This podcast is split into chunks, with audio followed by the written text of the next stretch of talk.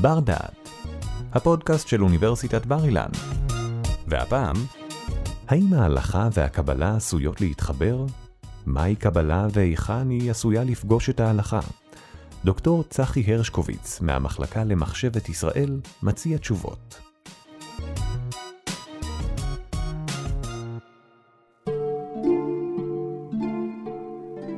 שילוב של הלכה וקבלה הוא אחד השילובים הכי מלאכותיים שיכולים להיות בעולם היהדות. צריך להסביר את זה. ההלכה היא נחלת הכלל. בעם היהודי אין הבחנה מבחינת המחויבות להלכה בין תלמיד חכם לבור ועם הארץ, בין אדם עשיר לעני. כולם חייבים ומחויבים לקיים את מצוות ההלכה באותו אופן. הקבלה, לעומת זאת, מאז ומתמיד, הייתה נחלת אנשי סוד, הייתה נחלת בודדים. איך יכול להיות מפגש בין הלכה לקבלה, אם ההלכה היא באמת של כולם, והקבלה היא רק של בודדים?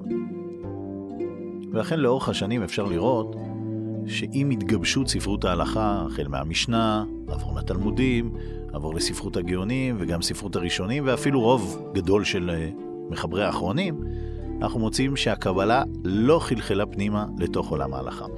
ההלכה הייתה ונשארה של כולם, הקבלה הייתה ונשארה של בודדים.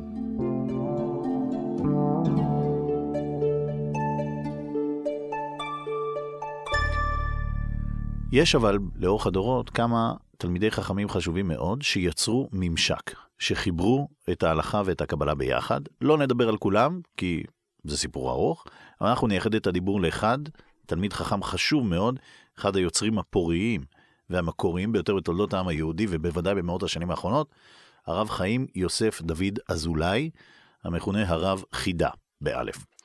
הרב חידה, שנולד ב-1724 בארץ ישראל ונפטר ב-1806 בליבורנו, אם כי עצמותיו הועלו לארץ אה, לאחר הקמת המדינה.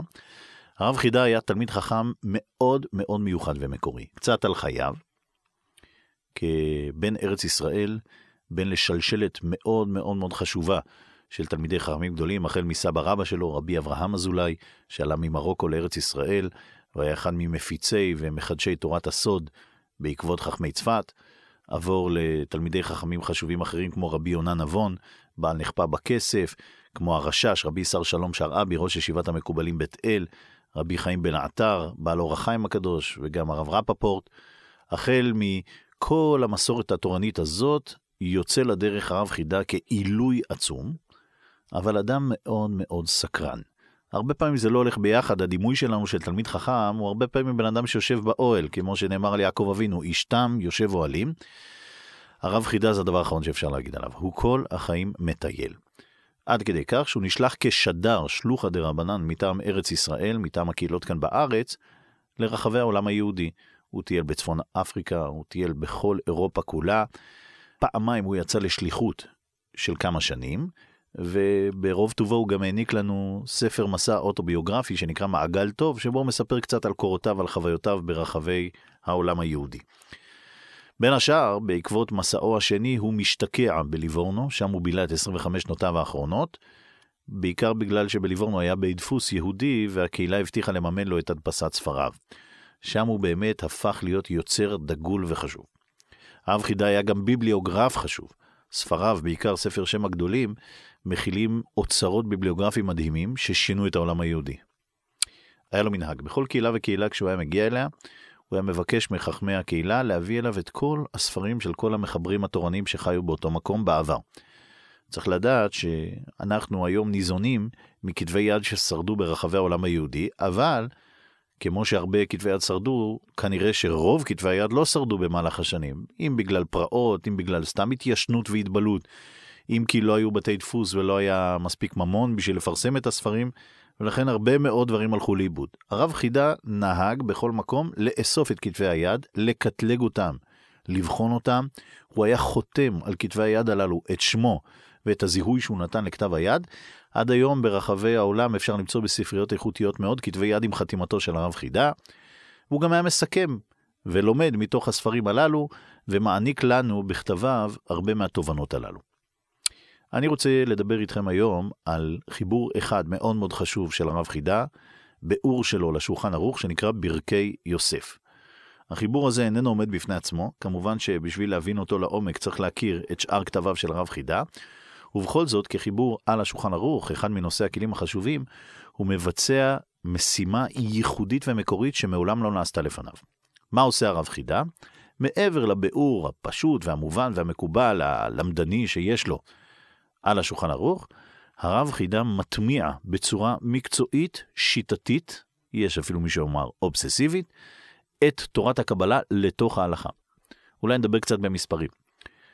הארי הקדוש, שמוכר uh, כמחבר חשוב בקבלה, אם כי את רוב כתביו לא הוא כתב אלא כתבו תלמידיו, בעיקר רבי חיים ויטל, הארי מוזכר בביאורו של הרב חידה לשולחן ערוך למעלה משלוש מאות פעמים.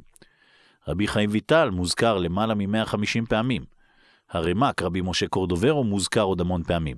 ועוד ועוד ועוד, סך הכל קרוב לאלף אזכורים קבליים בתוך ביאור על ספר הלכה, אולי ספר הלכה חשוב ביותר בתולדות העם היהודי, בוודאי בחמש מאות השנים האחרונות, השולחן ערוך. מה מניע את הרב חידה לעשות כזה מעשה? הוא בעצמו היה איש הלכה, ודרך אגב, הוא לא כתב, לפחות עד כמה שידוע לנו, הוא לא כתב טקסטים קבליים פר אקסלנס. הוא השתמש הרבה בקבלה, הוא הכיר קבלה, אבל הוא לא היה מחבר קבלי במלוא מובן המילה.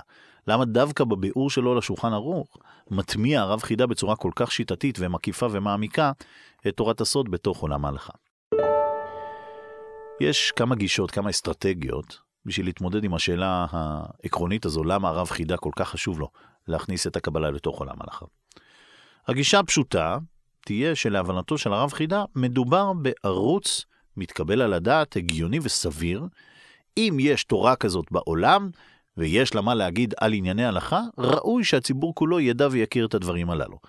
בוודאי אם לא מדובר בהחמרות קיצוניות ומשונות, בוודאי אם לא מדובר במחלוקת בין פוסקי הלכה, כזאת שאנחנו לא מנסים בכוח להכריע אותה באמצעות הקבלה, אדרבה ואדרבה בוא נכניס את הקבלה. במובנים מסוימים אפשר לראות בו תלמיד של רבי יוסף קארו עצמו. רבי יוסף קארו, אמנם כמות הרבה הרבה יותר נמוכה, במקרים בודדים, מטמיע את דברי הזוהר והמקובלים בתוך ספרו הגדול לבית יוסף, הוא כבר כותב את זה בהקדמה שלו לבית יוסף שהוא מתכוון לעשות את זה, אם כי באמת בצורה מאוד מתונה ורגועה. והרב חידה רק מגזים, הייתי אומר, בית יוסף על סטרואידים, מכניס את הקבלה בצורה הרבה הרבה יותר דרמטית, אבל הוא לא עושה פה שינוי דרמטי, more of the same. זו כמובן אפשרות אחת, אני חושב אבל שהדרך הנכונה להבין את הדברים תהיה קצת יותר מעמיקה. יכול להיות שהרב חידה מקדם פה איזשהו תהליך שלהבנתו הוא תהליך היסטורי חשוב. לאמור, עד אליו יש הלכה, כמו שכולנו מכירים אותה, ויש קבלה, תורת הסוד ששייכת באמת אה, לאותם מיוחדים ויחידים. אבל עכשיו הגיע הזמן לשלב, עכשיו הגיע הזמן ליצור אחדות, הרמוניה, בין הערוצים השונים לשמיעת דבר האל שמתגלים במציאות, אם זה בספרות הסוד ואם זה בספרות ההלכה. איך עושים את זה? להבנתו של הרב חידה, ויש לנו עוד ראיות לכך, הוא רואה את זמנו כזמן מאוד מיוחד, זמן שבו צריך לייצר שילוב בין המנהגים השונים, שילוב בין העדות השונות, ואחדות מאוד מאוד גדולה ומקיפה בתוך העם היהודי. במובנים רבים הוא עצמו, כבן לאב ממסורת מרוקאית, ספרדית ואם ממוצא אשכנזי, הוא מרגיש שהעת מעוררת אותנו לשוב לאיזושהי אחדות כוללת ומקיפה בתוך העם היהודי. איך עושים את זה? ראשית הרב חידה, בהשראת רבי חיים אבולעפיה, שהיה בטבריה באותם ימים, מקדם מהלך מאוד מאוד מאוד מקיף ומשמעותי, שבו הוא מנסה להצהיר שיש לעם ישראל פוסק אחד ויחיד בדור הזה. בארץ ישראל, המרא דאתרא, הרב, הכולל והמחייב את כולם, זה רבי יוסף קארו, הבית יוסף. הרעיון הזה, עד כמה שהוא נשמע לנו רעיון טכני מבחינה הלכתית, הוא למעשה עניין מאוד מהותי ועמוק. ברגע שאנחנו קובעים שיש פוסק אחד, שיש מורה דרך אחד, שיש הוראה הלכתית אחת מחייבת, אנחנו למעשה מצהירים שלפנינו תורה אחת. אחת הבעיות הקשות שכבר התלמוד מתמודד איתה, זו מציאות שבה יש ריבוי מחלוקות בעם ישראל, וריבוי מחלוקות בעם ישראל עלול לזמן מחשבה כאילו אין לעם ישראל תורה אחת, אלא שתי תורות. ברגע שאנחנו קובעים שיש רק פוסק אחד, מחייב ומאחד, אנחנו מאפשרים לכל עם ישראל להתקבץ מתחת לדגל אחד, להתקבץ לתוך תנועה אחת, לתוך מגמה אחת, והתנועה הזו היא התנועה המחייבת בלעדית. כמעט כמו שהמדרש אומר ביחס למתן תורה, ויחן שם ישראל כנגד ההר, ויחן למה בלשון יחיד? כאיש אחד בלב אחד. כמעט הייתי אומר, שחזור של מעמד הר סיני. ואם כולנו יכולים להתכנס מתחת לאדרת הגדולה של רבי יוסף קארו, הרי שלפנינו דרך אחת חדשה שמאפשרת לנו להתאגד כעם. זו כמעט, הייתי אומר, תפיסה פרוטו-לאומית, שאומרת, לאומה כולה, לעם ישראל כולו, יש רצון אחד, יש כיוון אחד, יש דגל אחד. אפשר לראות את העיקרון הזה אצל רבי חיים יוסף דוד אזולאי, אצל הרב חידה, גם בשאר ספריו. באופן עקרוני ועקבי מקפיד הרב חידה להבחין בין הכינויים השונים שהוא מחלק לתלמידי חכמים שונים. באופן עקרוני, כאשר מדובר על תלמידי חכמים מתקופת הראשונים, הם יקראו אצלו מורנו הרב. כאשר מדובר בתלמידי חכמים מתקופת האחרונים, מהתקופה שאחרי רבי יוסף קארו, הם יקראו רבי. כאשר מדובר על רבי יוסף קארו, הוא החכם היחיד שבאופן עקבי ושיטתי תמיד מכונה מרן. מרן זה תואר כבוד, זה תואר נשיאות, זה תואר שבעצם מיוחד רק לאנשים בעלי שיעור קומה חשוב במיוחד, רק לאנשים שהם גדולי הדור, שהם המחייבים את כולנו. עכשיו, אם אנחנו מבינים את הרעיון הזה, שאצל הרב חידה, רבי יוסף קארו, הוא באמת במעמד של פוסק על, מגה פוסק, המחייב את כל עם ישראל כולו, אנחנו יכולים להבין למה להבנתו של הרב חידה צריך גם להכניס את תורת הסוד לתוך העניין. מאחר שלפנינו מחשבה משיחית, מחשבה לאומית גדולה, הרי שזו הזדמנות ייחודית להעמיס על משנתו של רבי יוסף קארו גם את המטען הייחודי של תורת הסוד. לתורת הסוד, וכאן צריך להבין את הדבר, לתורת הסוד תמיד היה רומן ארוך ארוך ארוך עם רעיונות של גאולה. כבר בספר הזוהר נאמר מפורשות, בספרא דא יפקון מן גלותא. בספר הזה, באמצעות הרעיונות שמובעים בספר הזוהר, יצא עם ישראל מהגלות. לאורך השנים אנחנו מוצאים שתמיד מחשבות של גאולה ומשיחיות נכרחות באופן עקבי בקבלה. עד כדי כך שגם כמה דורות לפני הרב חידה אנחנו מוצאים את התופעה, אה, יש מי שיאמר הסטייה הנוראית, יש מי שיאמר תופעה בריאה, אינני יודע, ששבתאי צבי המקובל, הוא אמנם לא היה מקובל גדול כל כך, הוא היה יותר טיפוס קצת אה, חולני בנפשו, אבל בכל זאת נתן העזתי שמלווה אותו, המקובל הגדול, והתנועה הקבלית שמתלווה אליהם, היא מעוררת את התסיסה הגאולית המשיחית המאוד מאוד גדולה הזאת. ותמיד תמיד תמיד לאורך ההיסטוריה, גדולי המקובלים התעטפו בארשת משיחית, וגדולי המשיחיסטים התעטפו בארשת קבלית. אנחנו מוצאים את זה אצל רבי אברהם אבולעפיה, אנחנו מוצאים את זה אצל עוד הרבה אחרים. ובכן, עם ההתעוררות של הרעיון המשיחי של רבי חיים יוסף דוד אזולאי, התעוררות שקשורה בקשר הדוק ליכולת של עם ישראל להתאגד מסביב לתנועה הלכתית אחת, תחת הנהגתו של רבי יוסף קארו, זה גם הזמן להכניס את תורת הסוד פנימה. מה בעצם עושה הסוד לאדם? מה הערך המוסף שאדם מקבל כאשר הוא עוסק ונוגע בתורת הסוד? כולנו מכירים את ארסנל הכלים שיש בפני האדם בבואו לבצע מהלכים רוחניים. כאשר אדם אה, מנסה להתפלל, כאשר אדם עושה מעשה טוב, נותן אה, מעות לצדקה, עושה כל פעולה שהיא שהוא מבין אותה כפעולה חיובית וטובה. להבנתו הוא משנה את המציאות, הוא משפיע על המציאות. השפעה שיש בה מימן מסוים של אה, ניסיון להטות את הכף. הרמב"ם קובע בהלכות תשובה בעקבות דברי התלמוד, שראוי לאדם תמיד לחשוב על עצמו כאילו הוא מאוזן, 50-50, בין טוב לרע, מצבו ממוצע. כל מעשה טוב שבן אדם עושה יכול להכריע את הכף לטובה. אפילו מעשה קטן יכול להכריע את האישיות כולה לטובה. ובאותו אופן ראוי לאדם להסתכל על המדינה, על העיר שבה הוא חי, ואפילו על העולם כולו. כשאני עושה מעשה קטן, כשאני עושה מעשה טוב, אני מכריע את העולם כולו, אני מטה את העולם כולו לכף טובה. ממילא, הפעולה ההלכתית תמיד נתפסת כחלק ממהלך סיזיפי שלם וגדול, שבו בן אדם בונה את עולמו הרוחני, אריח על גבי לבנה ולבנה על גבי אריח, ומייצר איזושהי תמונה שלמה והולכת, משתלמת והולכת, של האישיות הפרטית שלו כאדם שעובד את אלוהיו.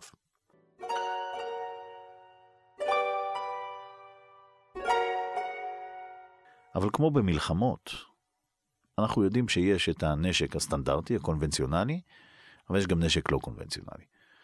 וכמו שנשק לא קונבנציונלי ברוב האמנות הבינלאומיות הוא לא חוקי, ככה גם תורת הסוד, שהיא הנשק הלא קונבנציונלי שיש לאנשי הרוח, היא הרבה פעמים נתפסת כמשהו שהוא קצת לא חוקי, כמשהו שהוא קצת חורג מגבולות הנורמה, כמשהו שהוא קצת לא מתאים לציבור הרחב. יש דברים שעדיף שלא כולם ידעו. כל אדם יודע מה הנשקים הקונבנציונליים שיש למדינה שלו, ועדיף שלא כל אחד ידע מה הנשקים הלא קונבנציונליים שיש למדינה שלו, זה סוד מדינה. תורת הסוד נתפסת כאפשרות לעקוף את המהלכים הקיימים, אפשרות לעקוף את הסטנדרטים הבסיסיים והקבועים והפופולריים שמתאימים לכל אדם ואדם של איך עובדים את האל. אתה אדם פשוט, אתה תעבוד את האל בכלים שלך, אתה תקום בבוקר, תניח תפילין, תתפלל, תשמור שבת, תעשה מה שכל יהודי צריך לעשות מבחינה דתית.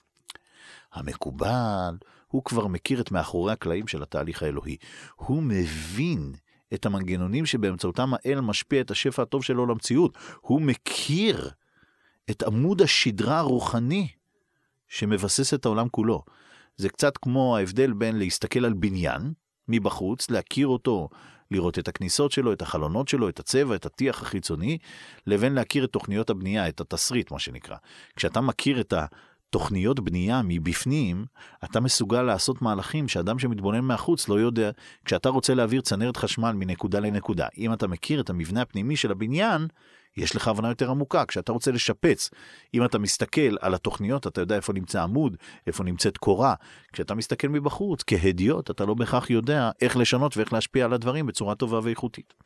המקובלים מכירים להבנתם את מנגנון ההתגלות האלוהי במציאות, את מה שמכונן את המציאות מבחינה אלוהית, בצורה יותר מעמיקה, יותר יסודית ויותר נהירה ובהירה מאשר האדם הפשוט. מה הכוח שיש למקובלים? הכוח שיש למקובלים זה השושו, זה בסוד. איזה מצב מביך זה לאדם שהוא בטוח שהוא יודע סוד, ואז הוא מגלה שכולם מכירים. כולם יודעים כבר את הסודות שלו. יש סיפור מאוד מפורסם שבתקופת המלחמה הקרה, זה כמובן לא סיפור אמיתי, יש סיפור מאוד מפורסם שבתקופת המלחמה הקרה, ארה"ב החליטה אחת ולתמיד לחדור לכל מערכי ההגנה של ברית המועצות ולפרק אותם מבפנים. לטובת זה הם עשו קמפיין אדיר של גיוס מועמדים מתאימים, ומבין מיליון אנשים שאותרו כעשויים להיות מועמדים מתאימים, סיננו מתוכם אלף אנשים שהם מתאימים במיוחד, העבירו אותם סדנאות מאוד קשות, תהליכי הישרדות כבירים, גם מבחינה פיזית, גם מבחינה פסיכולוגית. מדהים, מדהים, מדהים, בסוף הגיעו לעשרה מועמדים סופיים. מתוך עשרת המועמדים הללו, טובי הפסיכולוגים במדינה בחרו את האחד והמיוחד שישלח למשימה לחדור לתוך כל מערכי הגנה של ברית המועצות ולפרק אותם מבפנים. ואכן הבן אדם נבחר, והתחילו לעבוד איתו ולעבוד איתו ולעבוד איתו, והכשירו אותו במשך שנים. ביום המיועד הוא היה אמור להיות מוטס לברית המועצות, לנחות בהצנחה 50 קילומטר מסביב למוסקבה, לקבור מהר מהר את המצנח, להגיע לעיירה הקרובה, ואז לחדור לתוך כל מערכי ההגנה בקרמלין, ולפרק את ברית המועצות מבפנים. ובכן מגיע היום המיועד, הבן אדם מוצנח 50 קילומטר ממוסקבה, קובר מהר מהר את המצנח, ניגש לכפר הסמוך, לתחנת הרכבת, ומבקש לקנות רכבת, כרטיס לרכבת למוסקבה. אומר לו המוכר בתחנת הרכבת, אנחנו לא מוכרים למרגלים אמריקאים. מה? איך אתה יודע שאני מרגל אמריקאי? הוא לא מוכן לדבר איתו. טוב, הוא ניגש לקיוסק ליד ומבקש לקנות אה, בקבוק מים. אומר לו המוכר, אנחנו לא מוכרים פה למרגלים אמריקאים. סליחה? מה זאת אומרת מרגלים אמריקאים? הוא ניגש לאוטובוס, עולה לאוטובוס ומבקש לקנות כרטיס למוסקבה, אומר לו נהג האוטובוס, אדוני, מרגלים אמריקאים לא עולים אליי לאוטובוס, תעוף מפה. עכשיו אז הוא נשבר, הוא לא מבין כבר איך זה יכול להיות שלושה הדיוטות מזהים אותו מיד כמרגל אמריקאי, השנה שנת 1984, איך יכול להיות שהם כולם מזהים אותו מיד כמרגל אמריקאי? אז הוא שואל את נהג האוטובוס, איך לעזאזל אתה יודע שאני מרגל אמריקאי? אז אומר לו נהג האוטובוס, תשמע, אין פה הרבה שחומי אור בברית המועצות. עכשיו תראו, האמריקאים להבנתם בנו את המרגל המדהים, בנו אדם מושלם. אבל מה? זה לא התאים לקהל היעד, זה לא התאים לברית המועצות, כי בברית המועצות לא מסתובבים אנשים שחומי עור. הדבר הזה מלמד אותנו שהמקובל, כוחו הוא כוח יחסי. המקובל צריך להיות מיוחד, הוא צריך להיות שונה.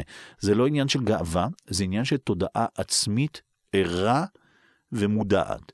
לאמור, בן אדם יודע שהוא שונה, יודע שהוא אחר מכולם. מקובל חייב שתהיינה לו פרקטיקות שונות, הוא חייב שיהיה לו עולם מושגים אחר. הוא לא יכול להיות כמו כולם, הוא חייב להיות יותר, הוא חייב להקפיד יותר, הוא חייב להיות ענה וצנוע יותר, הוא חייב להסתיר יותר את הנהגותיו הייחודיות, הוא חייב להצניע את עצמו ואת יכולותיו ואת ידיעותיו, הוא לא יכול להיות כמו כולם. מטבע הדברים, גם העבודה הדתית שלו היא עבודה של יותר. הוא מתפלל ביותר כוונה, הוא מקדש ביותר כוונה, הוא מקיים את המצוות ביותר אדיקות וביותר דקדקנות. הפער הזה בין המקובלים לבין אנשי ההלכה הוא פער מובנה. ההלכה היא מה שצריך לעשות, והקבלה היא תמיד אקסטרה, היא תמיד over, היא תמיד יותר ממה שצריך לעשות.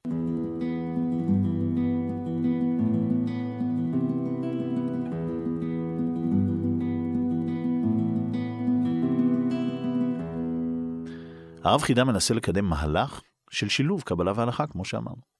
ולמה? כי בזמן הגאולה כולנו יותר.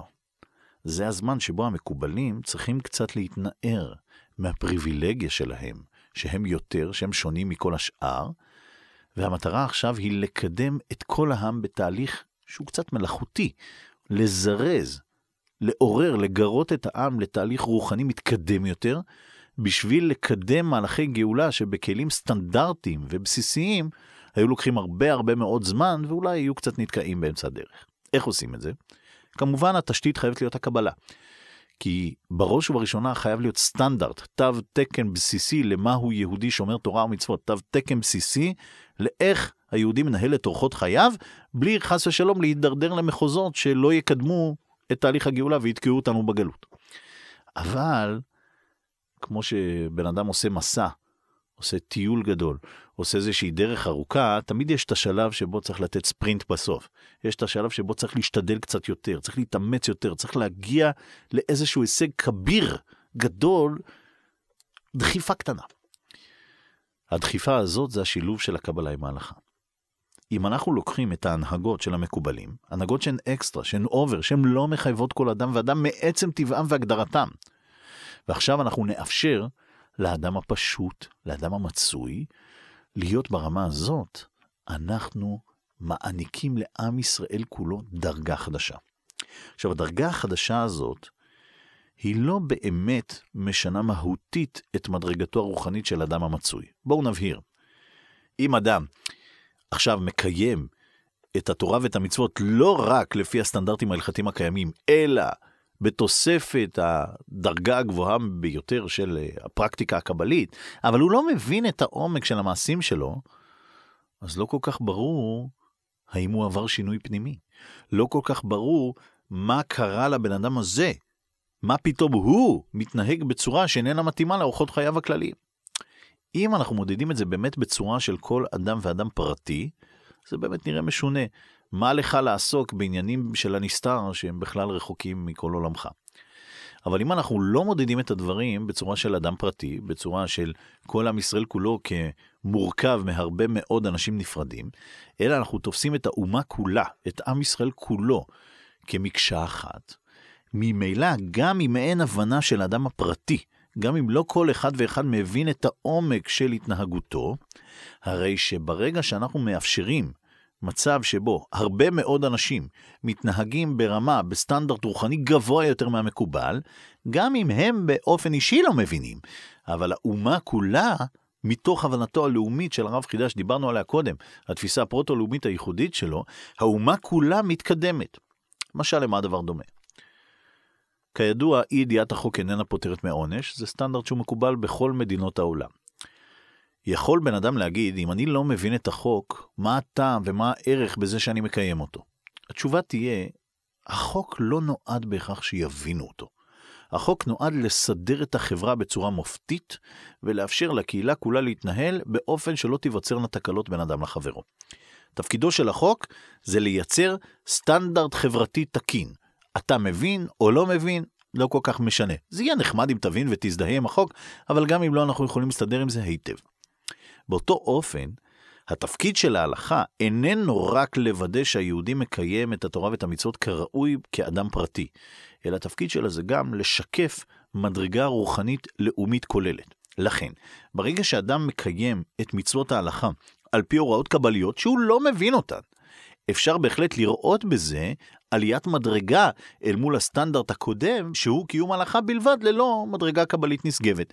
האם האדם מבין או לא מבין? פחות חשוב. העיקר שהאומה כולה מקיימת את התורה ואת המצוות כעת באופן יותר גבוה, יותר מחמיר, יותר נשגב, יותר מעמיק.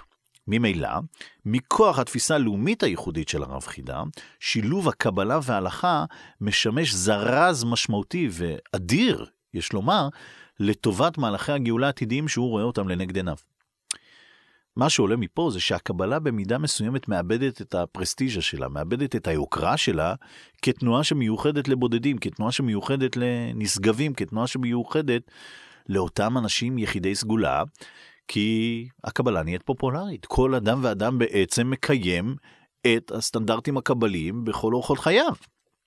אבל כאן אנחנו מבינים שלדת הרב חידה לא רק את ההלכה צריך לשנות, אלא כנראה שגם את הקבלה צריך לשנות.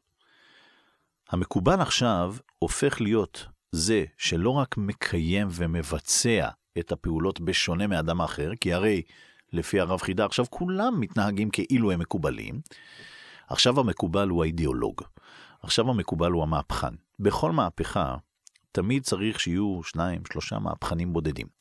כל השאר, הגדודים, החטיבות שהולכים בעקבותיהם, לא חייבים להיות הוגי דעות גדולים. הם לא חייבים להיות אידיאולוגים, הם צריכים לציית להוראותיו של המהפכן. מהפכה עם יותר מדי מהפכנים, אה, לא מצליחה, היא לא מסתדרת, מסיבה מאוד פשוטה. נוצרים מאבקי כוח, נוצרים מאבקי אגו, כל אחד מושך למקום אחר, זה לא טוב.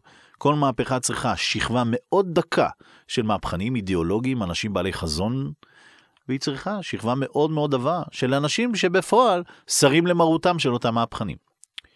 אם עד עכשיו המקובלים היו אותם בודדים שבארבע אמותיהם בצנעה היו מקיימים את המסורת הקבלית שלהם ומשנים את המציאות, עכשיו המקובלים הופכים להיות האידיאולוגים, המהפכנים. במובן מסוים הרב חידה מעניק עכשיו למקובלים פטור מלהוביל את המהלכים הפרקטיים של המציאות, לטובת שדרוגם למעמדם, למעמד של הוגי דעות, של אידיאולוגים, של אנשים דגולים, שבאמת משנים את המציאות באמצעות שרטוט של דרך חדשה, מקורית וייחודית שלא הייתה כדוגמתה עד כה. כלומר, הרב חידה לא רק שהוא לא פוגם בקבלה, בזה שהוא הופך את הפרקטיקות שלה לפופולריות, אלא במידה מסוימת הוא מאפשר למקובלים לפנות את זמנם בשביל להיות האנשים שיכתיבו את סדר היום של העם היהודי לדורות הבאים. בכך עוד יותר אפשר לראות איך הרב חידם מזרז ומאיץ את המהלכים לטובת קידום תהליכי הגאולה. אמנם הוא כמובן לא זכה לראות אותם כי הוא נפטר בסך הכל בשנת 1806, אבל אין שום צל של ספק שהשנים שבאו בעקבותיו, עשרות השנים שבאים במחצית הראשונה והמחצית השנייה של המאה ה-19, היו שנים של התעוררות לאומית מאוד מאוד גדולה בעם ישראל. אינני טוען שרק בזכות הרב חידה, או אפילו לא בעיקר בזכות הרב חידה, כל ההתעוררות הלאומית של המאה ה-19 מגיעה לעם היהודי, אבל אין ספק שהרב חידה בחושיו המחודדים הרגיש שיש איזשהו שינוי פנימי ברוחות הנושבות בתוך האומה, והגיע הזמן לקדם את פני השינוי הזה באמצעות יצירת מערך רוחני חדש. נסכם ונאמר, עד הרב חידה, שני עולמות התוכן של הקבלה ושל ההלכה היו עולמות תוכן מובחנים ונפרדים. נכון שהיו תלמידי חכמים בודדים שניסו לשלב קצת מפה וקצת מפה, ולכן אנחנו מוצאים גם בספרי הלכה מוקדמים, והזכרתי קודם את הבית יוסף ועוד, ספר העגור של רבי יעקב לנדה מפולין, שמשלבים פה ושם הלכה וקבלה. אבל הרב חידה הוא הראשון שבצורה שיטתית ועקבית מכניס בכוח את תכני הקבלה לתוך הפרקטיקה ההלכתית המקובלת והמסודרת של כל אדם מישראל. הצבענו על כך שאפשר להבין את המגמה הזו בצורה מינימליסטית, פשוט להבנתו מדובר בשני עולמות תוכן שצריכים להתכתב זה עם זה, אבל אפשר גם להבין את אה, שיטתו בצורה מקסימליסטית, כהוגה דעות שמנסה לקדם מהלכי גאולה. הסברנו איך המנגנון הזה של קידום מהלכי הגאולה מטרתו היא באמת להאיץ תהליכים על ידי זה שכל אדם מישראל יהפוך להיות סוכן של תורת הסוד. היא התורה שמזרזת ומעודדת את הגאולה על ידי כך שהוא מקיים בפועל את הוראות הקבלה, גם אם הוא לא בהכרח מבין אותם למלוא עומקם. בכך גם שינה רב חידה את תפקידם של המקובלים. עד כה המקובלים היו אותם יחידי סגולה שמבצעים פעולות סודיות ונסתרות, שתורמות תרומה צנועה ובכל זאת קיימת, לטובת קידום מהלכי הגאולה, ועכשיו, כאשר כל עם ישראל כולו מבצע פרקטיקות קבליות, גם אם הוא לא מבין אותם, המקובלים יכולים לפנות את זמנם ולהיות הוגי דעות, משרטטי החזון של המציאות האידילית של עם ישראל בעידן של גאולה, ועל ידי כך ניתן להם עוד כוח, ניתן להם עוד רוח במפרשים, בשביל לקדם את המהלכים הללו בצורה טובה יותר. תודה שהאזנתם לנו. באפליקציית בר דעת מחכים לכם עוד הרבה פודקאסטים מחכימים. אתם מוזמנים לצאת איתנו למסעות נוספים אל העבר ואל העתיד. בר דעת, אפליקציית הפודקאסטים של בר אילן, משפיעים על המחר, היום.